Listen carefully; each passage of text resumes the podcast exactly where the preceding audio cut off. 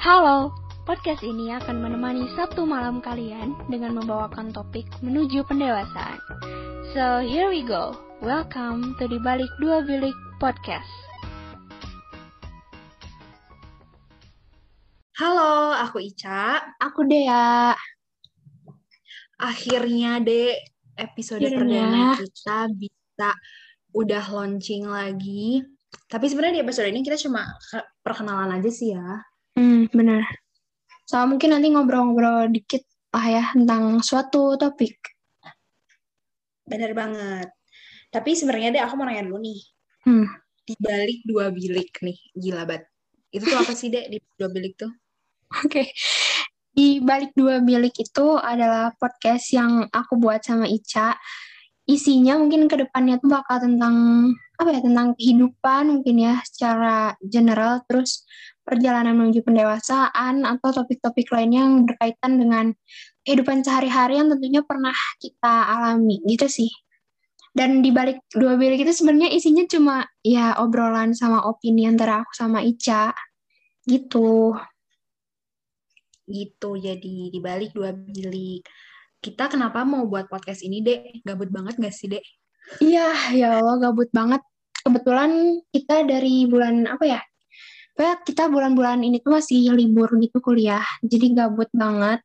Terus awalnya aku random aja gitu ngajakin, Ca, ayo kita buat podcast gitu. Asalnya bercanda, bercanda yang gak bercanda, paham gak sih? Terus Iya, Ica, hayu-hayu aja katanya. Singkat cerita, yang asalnya omong doang, terus jadi kayak Ica-nya ngajakin aku lagi, ya ya udah akhirnya kita mulai ngerencanain untuk buat podcast, mulai kayak desain buat akun, kayak gitu-gitu deh.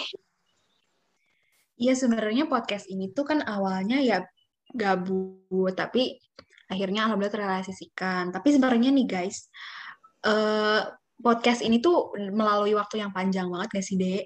Bener. Gila Yang sih. awalnya namanya tuh COD Podcast. Apa Terus tuh kemudian COD nih, kita dulu punya nama COD Podcast. COD tuh eh, cuma obrolan doang, ya kan, Dek? Ya. Terus akhirnya kita tuh kayak bingung nih, aduh ganti kali ya, Ca. Ya kali ya, akhirnya sempat mikir juga nanti namanya apa dan akhirnya namanya di balik dua bilik. Hmm, Gitu. bener. Terus Kenapa kan- di balik dua bilik? Iya, apa tuh? Kenapa? Karena kita tuh kan ngerekamnya ini di dua ruangan yang berbeda, di dua kamar yang berbeda. Ya, Jadi ya udah simple as simple as that langsung namanya di balik dua bilik. Ya, emang itu kita kepikiran kayak gitu sih. Dan itu last minute banget ya. Kayak kita emang punya banyak rencana, tiba-tiba namanya dibalik dua bilik. Terus juga kita buat podcast ini karena emang eh, sering sharing juga kan, Ca. Emang sehari-harinya kita gak jelas banget gitu, tapi kadang sharing juga yang bermutu. Terus ya udah, karena di situasi pandemi ini yang rasanya kayaknya sayang banget gitu kalau waktunya dibuang sia-sia buat rebahan doang. Walaupun iya sih emang masih kayak gitu. Tapi pengen juga nambah skill baru. Siapa tahu podcast ini tuh bakal jadi salah satu jalan keluar aku buat eh, buat ini buat keluar dari zona nyaman gitu. Ya nggak sih, Cak? Keluar dari zona nyaman ya, Dek. Nah, ini Hmm. menarik nih keluar dari zona nyaman. Apa tuh? Ngomong-ngomong, keluar dari zona nyaman. Kamu tuh eh, pernah nggak sih, Dek, belakangan tuh kayak nggak ada motivasi, terus juga ya itu, kamu ngerasa hidup kamu tuh itu-itu aja, kamu tuh kayak pengen keluar dari zona nyaman, pernah nggak sih kamu ngerasa gitu? Pernah. Pernah banget itu mah. Terus apalagi di masa sekarang gitu ya. Jadi apa ya gampang banget ngerasa bosen sama siklus kegiatan yang itu-itu aja gitu. Terus pemandangan juga ya udah ini kamar di rumah. Terus susah juga kalau mau ketemu teman-teman ya kan. Terus selain itu juga hmm, karena di rumah kesempatan kita buat main sosial media itu kan jadi lebih sering ya. Nah, dari situ Mhm. aku kadang suka ada perasaan kayak wah aku udah ketinggalan jauh banget nih dari orang-orang. Kayaknya orang-orang tuh udah punya progresnya masing-masing gitu, udah punya pencapaian baru. Jadi ada yang mungkin ada yang nyoba bisnis, terus ikut lomba, bikin satu karya gitu. Pokoknya dari aku ngeliat itu tuh ngebuat aku mikir kayak wah harus nyoba mulai uh, ngelakuin hal yang baru gitu. Kalau kamu gimana sih? Bener-bener banget sih. Gara-gara sama sih kayaknya aku kurang lebih gara-gara sosial media nih. Jadi kayak sering lihat orang-orang kayak keren banget nih hidup mereka tuh ya. kayak aku gini, ya kan? di sini-sini doang.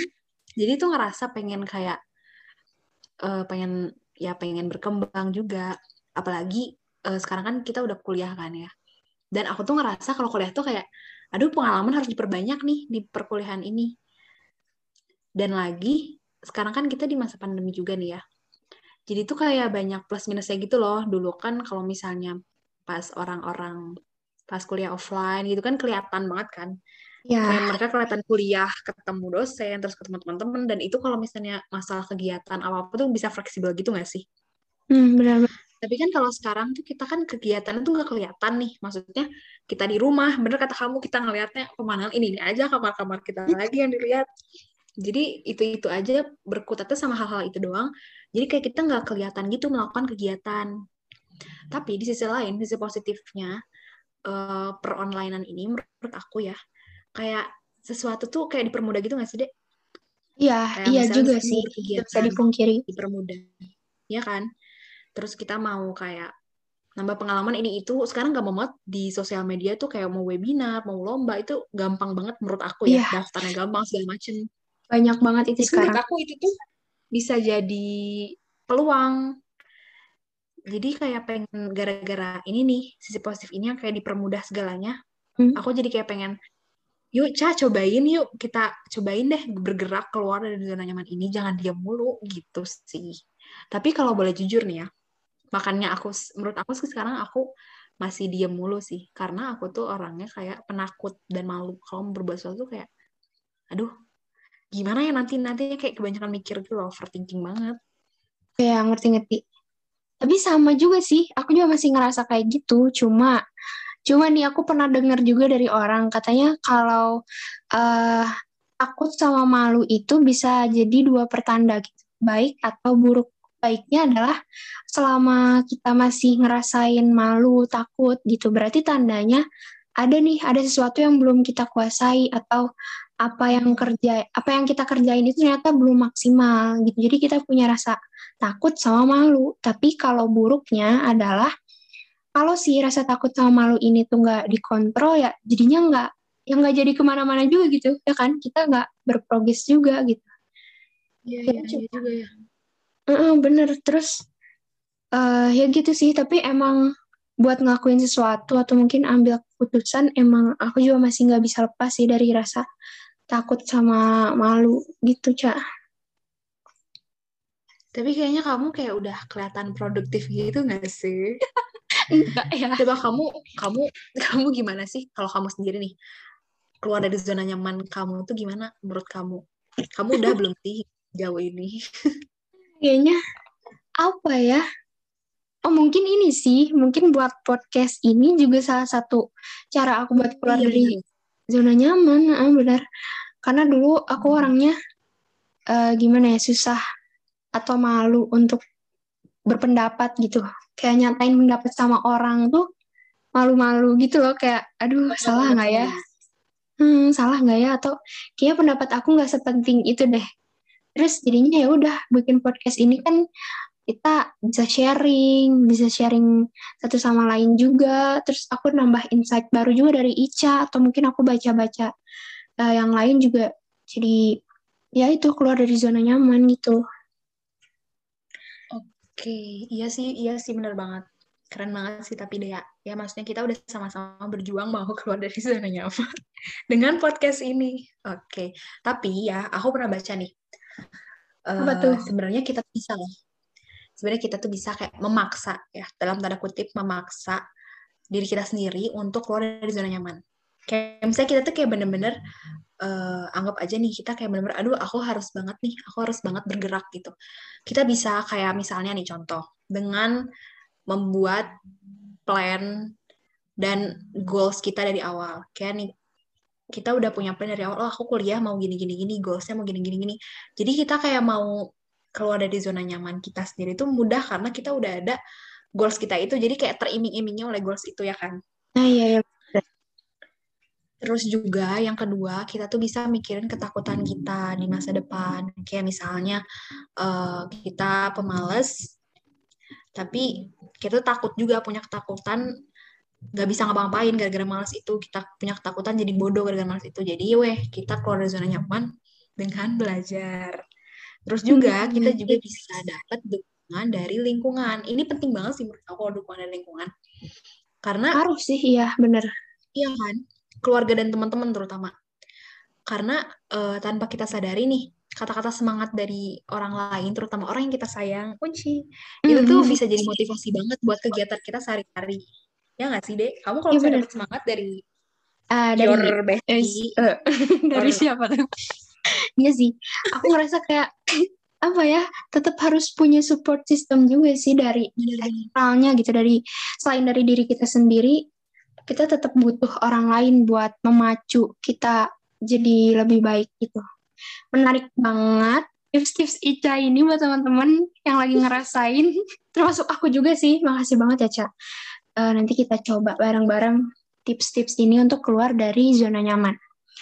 Dan kayaknya emang apa belajar dari belajar untuk keluar dari zona nyaman itu bakalan jadi pelajaran seumur hidup gak sih? Karena kan kita mempelajari diri sendiri, terus sekaligus hal-hal baru juga seiring berjalannya waktu, ya tetap harus kita pelajari gitu. Jadi menurut aku ini nasihat buat diri aku juga sih. Jadi kayak udah deh nggak apa-apa, rasa khawatirnya kita kurangin pelan-pelan, yuk bisa.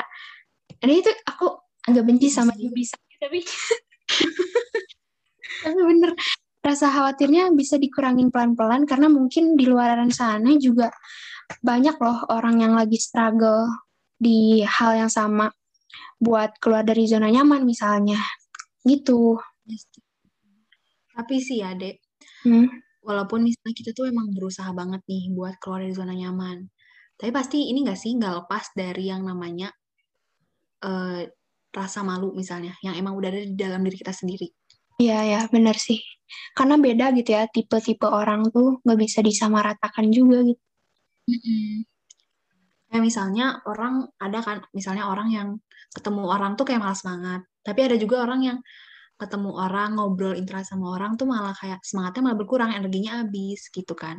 Maksudnya jadi kita harusnya tuh bisa tetap menerima diri kita sendiri kan, walaupun kita udah keluar dari zona nyaman itu. Ya, ini bahasan yang menarik juga sih karena aku ngerasa ya gitu kadang juga aku ngerasa tetap apa ya pas aku coba untuk keluar dari zona nyaman ternyata ada hal-hal yang ya udah itu bagian dari diri aku ternyata. Cuma ya tetap sih kita harus berusaha dan mencoba. Emang sih menerima diri sendiri itu kadang susah banget ya cak? Ya nggak sih? Banget. Banyak Karena kan suka mikir kayak, "Duh, aku Hmm. banyak kurangnya nih," gitu kan. iya jatuhnya jadi insecure lagi gitu kan yang ngelihat orang insecure lagi aku juga gitu sih kadang hal ini malah jadi bumerang buat diri kita sendiri kalau kamu I know, Cak? right? Hmm, Bener banget Cak? sama. Karena nerima diri sendiri itu penting banget. Tapi ya, Dek, Hmm. tapi nih ya, sebelum jauh lagi, gimana kalau kita lanjutin di episode kedua aja? Asik.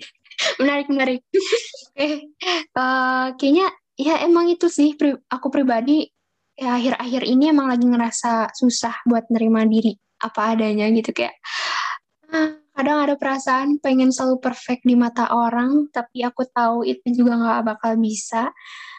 Cuma emang topik ini bakalan jadi interesting banget buat dibahas. So tungguin ya di next episode kita. Oke, ya mungkin segitu dulu aja kali ya, Dek, dari kita, perbincangan Hmm. kita hari ini. Makasih banget buat teman-teman yang udah ngedengerin sampai akhir. Ih, keren banget. Terus buat kalian juga yang kayak pengen eh, request mau bahas topik apa buat episode kita selanjutnya, boleh langsung aja DM di Instagram kita, aku Anissa Setia, Aku Dea dot Halimatu. dan see you on the next video. Yeay. Aku Dea. Dan aku Isya. Pamit undur diri. Bye.